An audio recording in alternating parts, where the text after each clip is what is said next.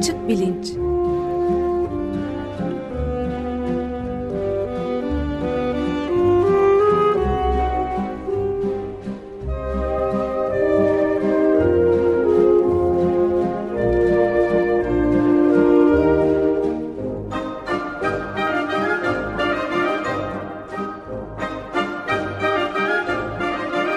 Güven Güzeldere ile bilim ve felsefe sohbetleri. Günaydın Güven Bey, merhabalar. Merhaba Güven. Günaydın Ömer Bey. Merhaba Hakan. Evet, e, Hakan dostumuz Hakan'la tekrar konuk olarak burada bulunuyoruz ama bir serinin devamı siz anlatırsanız E, tamam tabii. E, bilimde, felsefede ve sanatta koku ve tat algısı serisinin içindeyiz. Bu yine e, birden çok programdan, e, birbirine bağlı programdan oluşan bir seri. E, ikinci programındayız. İlk programında e, e, felsefe tarihinde algının algı problemi diye ortaya çıkan şeyin ne olduğundan algı modalitesi aralarındaki modaliteleri arasındaki farklardan ve çeşitli felsefi tartışmalardan bahsetmiştik. Bugün ise işin bilim kısmını masaya yatıracağız. E, koku ve tat algısı e, beyindeki hangi altyapıların çalışması sayesinde mümkün oluyor? Bu soruya cevap arayacağız. E, bu tür sorulara cevap aradığımızda hep imdadımıza yetişen e, açık bilincin e, kıdemli, e, kadim e, uzman e, konuğu Profesör Doktor Hakan Gürvit İstanbul Üniversitesi İstanbul Tıp Fakültesi den e, nörolog e, ayrıca Açık Şemsiye programından da e, Açık e, Gazete e, Açık Radyo dinleyicileri tanıyorlar kendisini. Evet başka programlarda e, Hakan yeniden e, başka programlarda yapmıştınız. Evet. Hoş geldin yeniden Hakan. Ş şöyle belki sorayım. Geçen hafta da biraz bahsetmiştim. E, algılar e, canlılara işte içinde yaşadıkları fiziksel dünyaya açılan pencereler e, sağlıyorlar. Bu açıdan çok önemliler ve pek çok e, canlılar dünyasında algı mekanizmalarının ortak yönleri olduğunu görüyoruz. Ee, bunun altında da işte ortak bir takım genetik yapılara sahip olmamız e, yatıyor. Ta e, meyve sinekleri gibi çok basit organizmalardan insanlara kadar uzanan bir yelpaze içinde. E, burada tat ve kokunun fakat e, mesela görme ve işitmeden e, farklı yönleri var. E, hem algının işleyişi açısından hem de beyinde ve sinir sisteminde ne olup ne bittiği açısından. Ben böyle bir giriş yapmış olayım. Bu farklar nedir, ortaklıklar nedir, nasıl çalışır? E, algıyla koku, e, pardon tatla kokuyu niye bir arada e, tartışmakta fayda vardır? Bunları da sen bize anlatır mısın? E, peki gayret edeyim e, Güven. E, Peki geri kalan e, bütün duyular aslında bir takım e, kesin matematik hesaplamalarla ifade edilebilecek bir takım fiziksel büyüklükler işte e, e, foton ışıması, e, efendim akustik dalgalar, e, basınç hissi. E, anlaşılan işte omurgalı evriminde özellikle memeliler, primatlar e, dallanmasında gittikçe aslında e, bu türler dış dünyayı bu kesinlikli e, fiziksel algılar dolayısıyla algılıyorlar da işte bir bir geleneksel görüşe göre ki ister istemez e, bazı kaygı ve kuşkularımla birlikte ben de bu e, görüşe geleneksel görüşe aboneyim diyeyim. E, bu eski kimyasal duyular tat ve koku e, biraz e, hem kadim duyular, arkaik duyular bunlar biraz e, bu evrimde geri planda e, kalıyor. E, evet yani hani omurgasızlarla da e, e, paylaştığımız bir e, algı biçimi bu. İşte meyve sineği, drosofila'dan söz ettin sen. E, e, bir kurtçuk, e, C. elegans e, yine e, nörobilimde e, çok ilkel e, sinir organizasyonu, nöral organizasyonu dolayısıyla çok kullanılan başka bir model. E, bir takım e, analojiler ve ayrımlar kurmak mümkün bu kimyasal duyularla, e, tat ve kokuyla. Hmm, yani e, insanda geri planda kaldığına dair ya da primat evriminde geri planda kaldığına dair delillerden biri hep şudur değil mi? İşte farelerin üçte birinden daha az kalmıştır örneğin kokuya karşı e, insandaki e, reseptörler e, işte burun mukozasında bulunan. Evet. Ah, e, hani gerçekten böyle mi? Hani e, daha erken basamaktaki omurgalı evriminde ya da daha alt omurgasızlarda bu tür kimyasal duyular ister istemez dış dünyadaki e, fiziksel uyaranı algılamakta e, kullanılan temel e, algı biçimlerinden biri. E, Oysa ki işte memeli evriminde yükseldikçe özellikle e, primatlarda ve özellikle homo sapiens'te e, artık fizik uyaranları e, ne olduğunu e, kavramaktan çok farklılaşıp e, bir bir e, kültürel tanıma e, aracı e, olmaya başlıyorlar. Örneğin hani e, hani belki de onu da konuşma e, fırsatı olur. Lezzet denilen şey nedir? E, yani doğrudan kokuyla mı algılanır, doğrudan tatla mı algılanır? Muhtemelen ikisini birden tartışmanın e, şeyi e, ne, diyeyim bütün gerekçesi bu lezzet denilen bu kültürel kavramı algılamak. Örneğin insan altı primatlar lezzetle ilgileniyorlar mı? E, nasıl ki 30 binlik 30 bin yıllık geriye giden genlerimizde e, okumak denilen eylem kodlanmamışsa bir kültürel eylem olarak muhtemelen lezzet de e, e, böyle bir şey olsa gerek. E, dolayısıyla e, hani bu e, kışkırtıcı meraklı konular yeni bir takım e, nörobilim dallarına doğru da e, iteliyor. E, hani geçenlerde seninle konuştuğumuz e, Shepard idi değil mi? George Shepard mıydı? E, böyle bir evet, Gordon Shepard. Gordon, Gordon Shepard. Böyle Yale. bir böyle Yale profesörü böyle bir yeni nöro bilim, nörogastronomi e, ismiyle e, vaftiz ettiği yeni bir e, nörobilimden söz ediyor. Vardır belki bir iki e, Shepard'ın kendisi dışında da izleyicisi. E, Evet bir takım e, alet ve havadanlıkları da e, e, mevcut. Sayeden izlenebilir bir bilim dalı e, olduğu da görülüyor. Tek bir insana e, sınırlı olmayan. E, ama ben de nereden baksan epeyce e, kıdemli, kadim bir klinik nöroloğum. Bir klasik nöroloji eğitimlerinde sayeden ihmal edilen iki e, duyudur. Koku ve tat.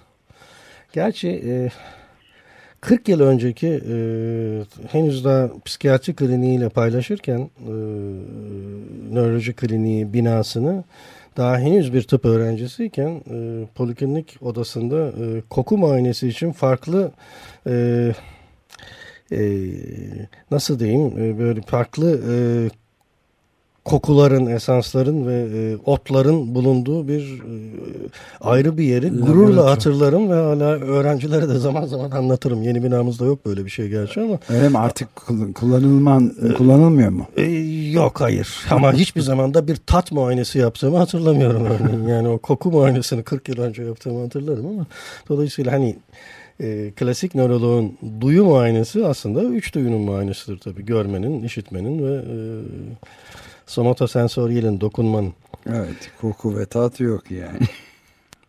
evet. E, bu anlamda evet yani kokunun ve tadın belki ihmal ediliyor olduğuna da bir delil olarak herhalde düşünebiliriz. Yani gözümüz bozulunca işte göz doktoruna gidiyoruz, muayene oluyoruz, gözlük takarak onu düzeltmeye çalışıyoruz.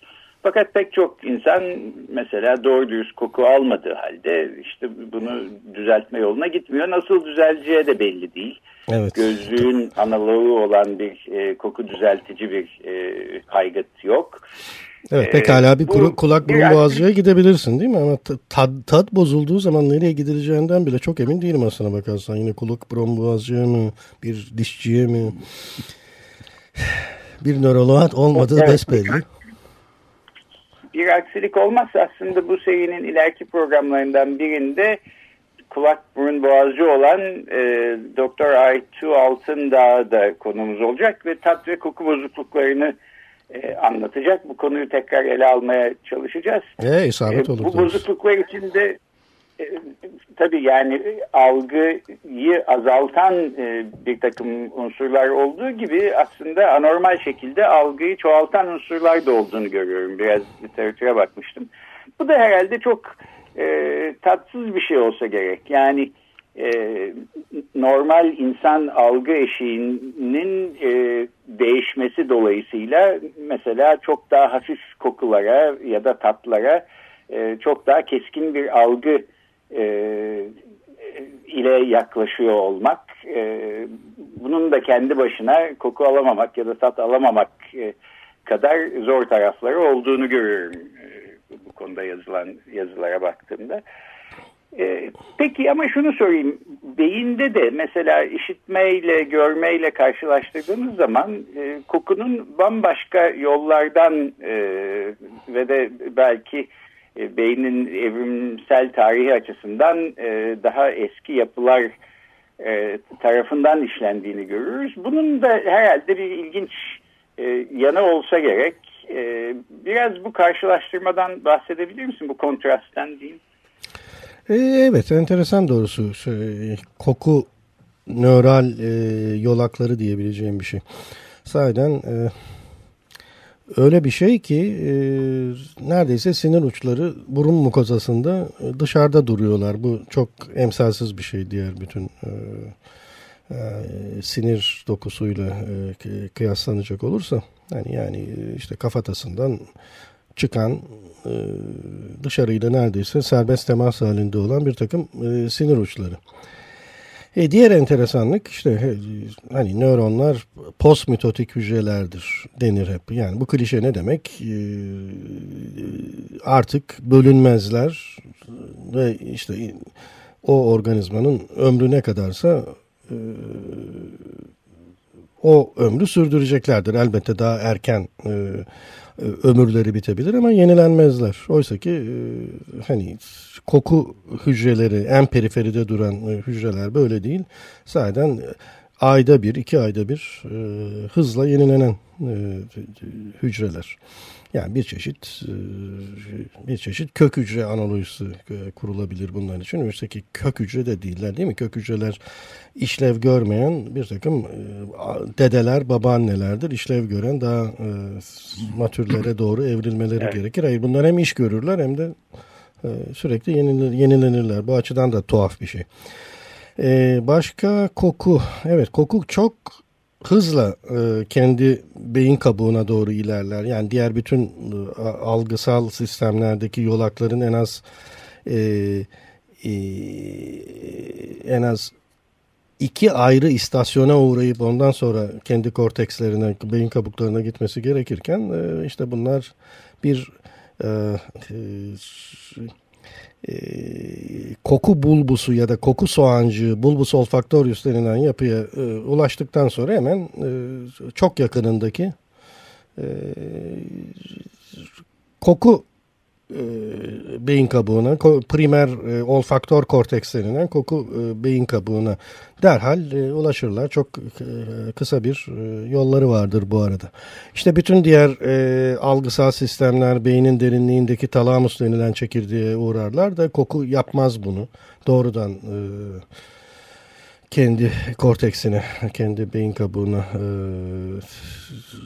varı verir. Muhtemelen bulbus olfactorius aslında o e, koku soğancığı denilen yapı, e, o talamus denilen çekirdeğin analoğudur da onun içindir ama olsun işte böyle böyle bir e, istisna e, söz konusu yine.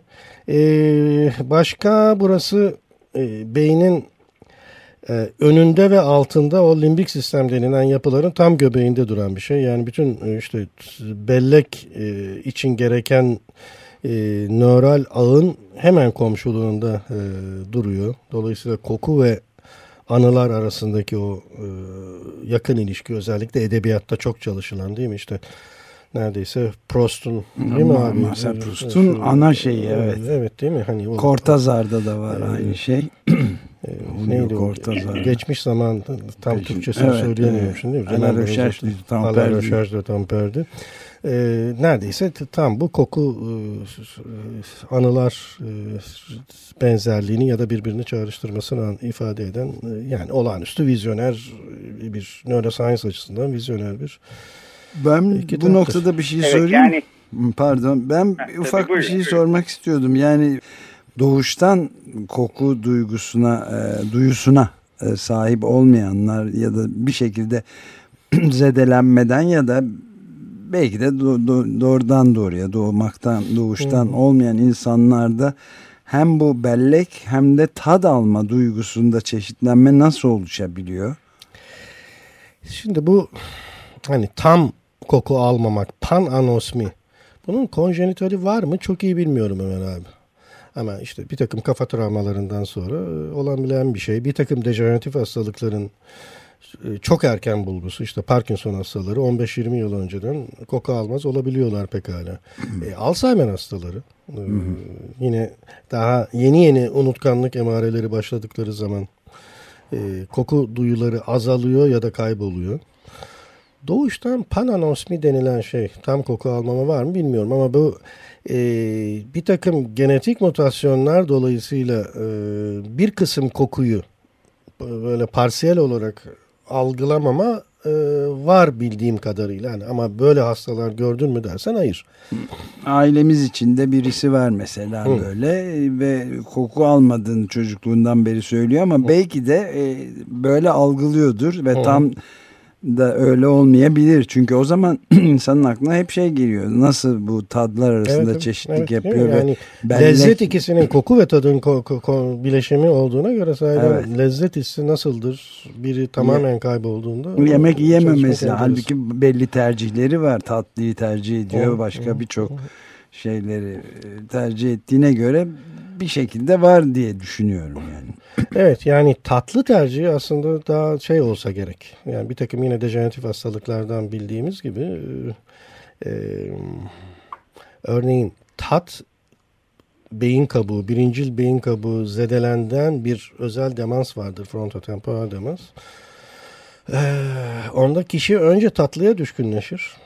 Yani hmm. öyle ki yani önce bir çocuk gibi abur cubur yediği izlenir hastalığın erken evresinde işte işte bol bol gofret yemek mesela. Hmm, hmm. Ee, hani sonra giderek tuhaflaşır bu iş. Kesme şeker ağzına atmaya kadar. İşte hastalığın ileri evrelerinde artık yenmeyecek şeyleri de e, ağzına doldurmaya başlar e, hmm. bu kişiler. Örneğin çay poşeti e, yutmak e, falan gibi. Evet. Yani muhtemeldir ki o tatlıya düşkünlük e, bir e, sırf o glikoz konsantrasyonu ile yutma dürtüsü arasındaki e, bir ilişki. Oysa ki hani o tadın lezzet çerçevesi içinde değerlendirilmesi e, muhtemelen kayboluyor e, birincil tat korteksi e, hasarından sonra. Evet. Peki aslında madem konu buraya geldi o zaman biraz da kokuyla tat ilgisi e, konusunda da konuşalım derim. Ben şimdi Hakan senin demin anlattıklarından biraz şunu anlıyorum. Koku sinyalleri e, görme ya da işitmede olduğu kadar e, uzun bir işlemlemeden geçmiyor.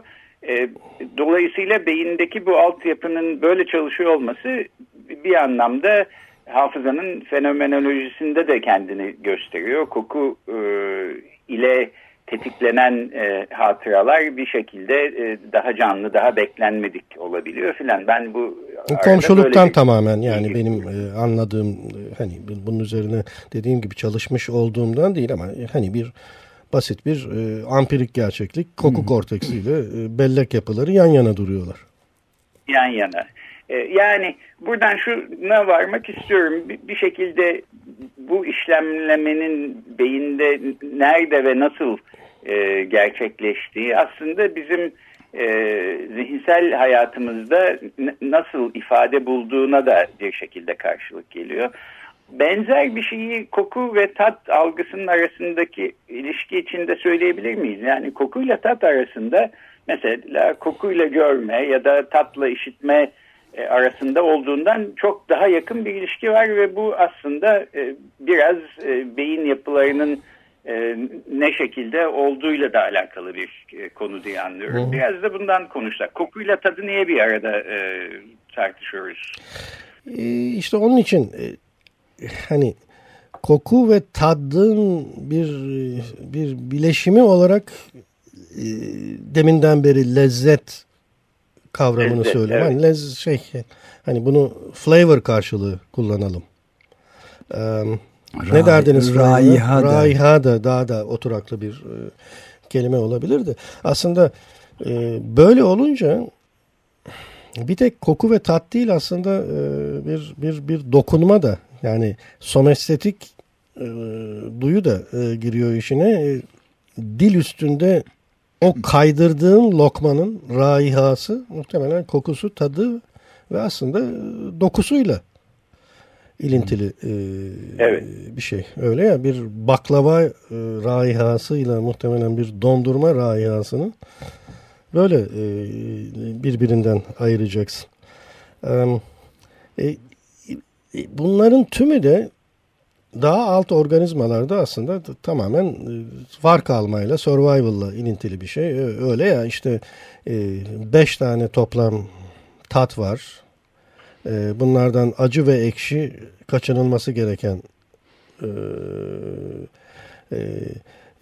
yutmaktan kaçınılması gereken uyaranlara karşılık gelirken işte ne olacak?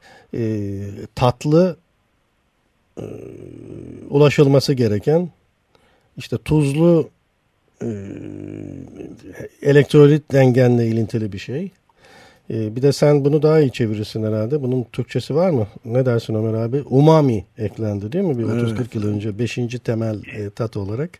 Hani bu da Umami yok bence. E, çevirisi olmadı galiba. Evet, değil mi? En fazla işte neye benzetmeli bunu? Tamam seni sevmeyeceğin şey mesela bir sıkı bir T-bone steak'in e, raihası ama senin seveceğin kısmı da mesela e, soya sosu.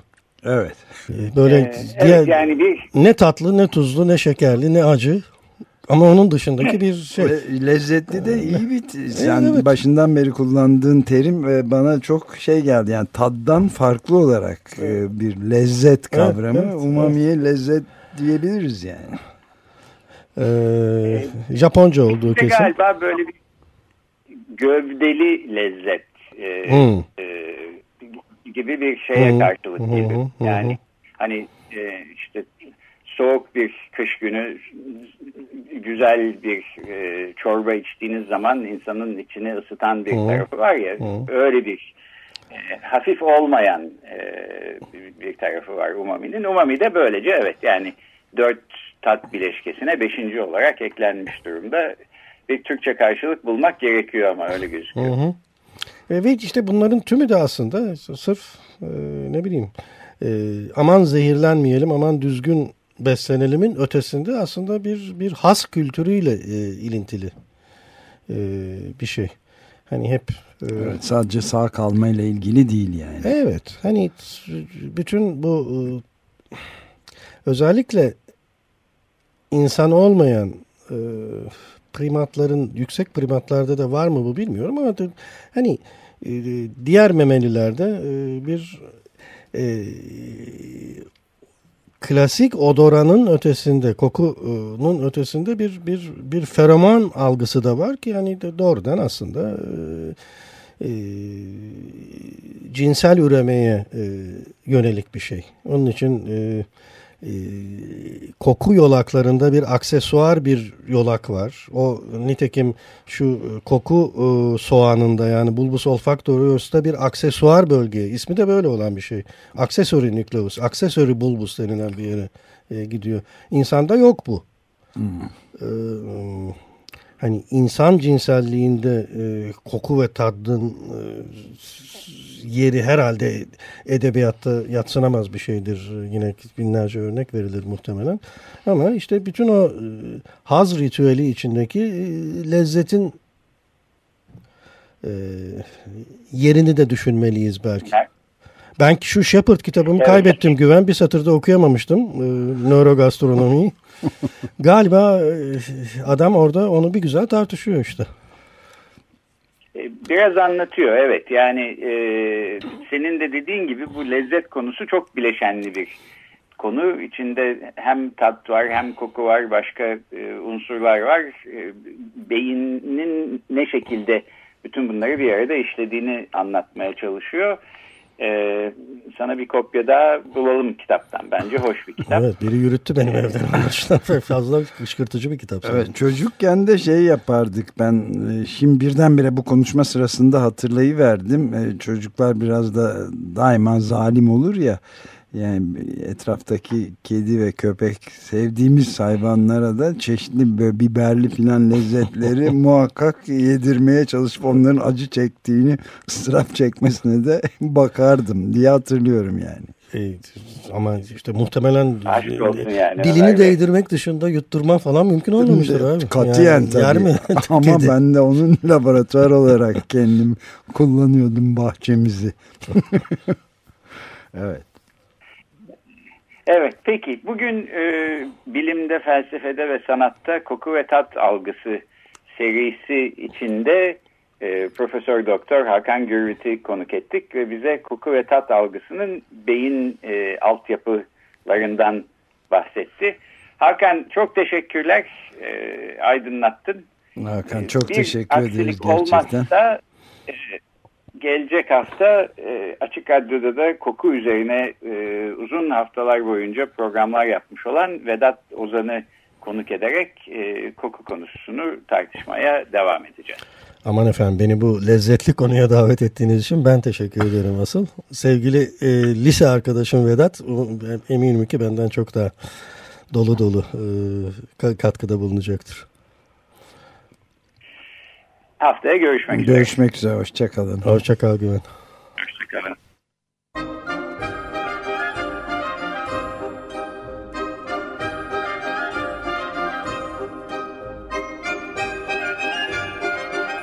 Açık Bilinç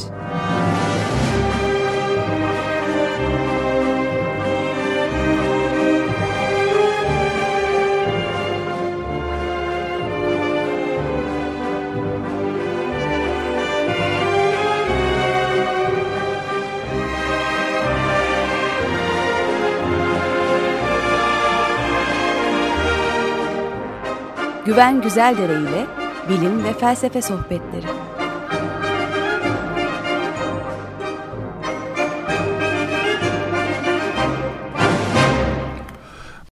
Açık Radyo program destekçisi olun.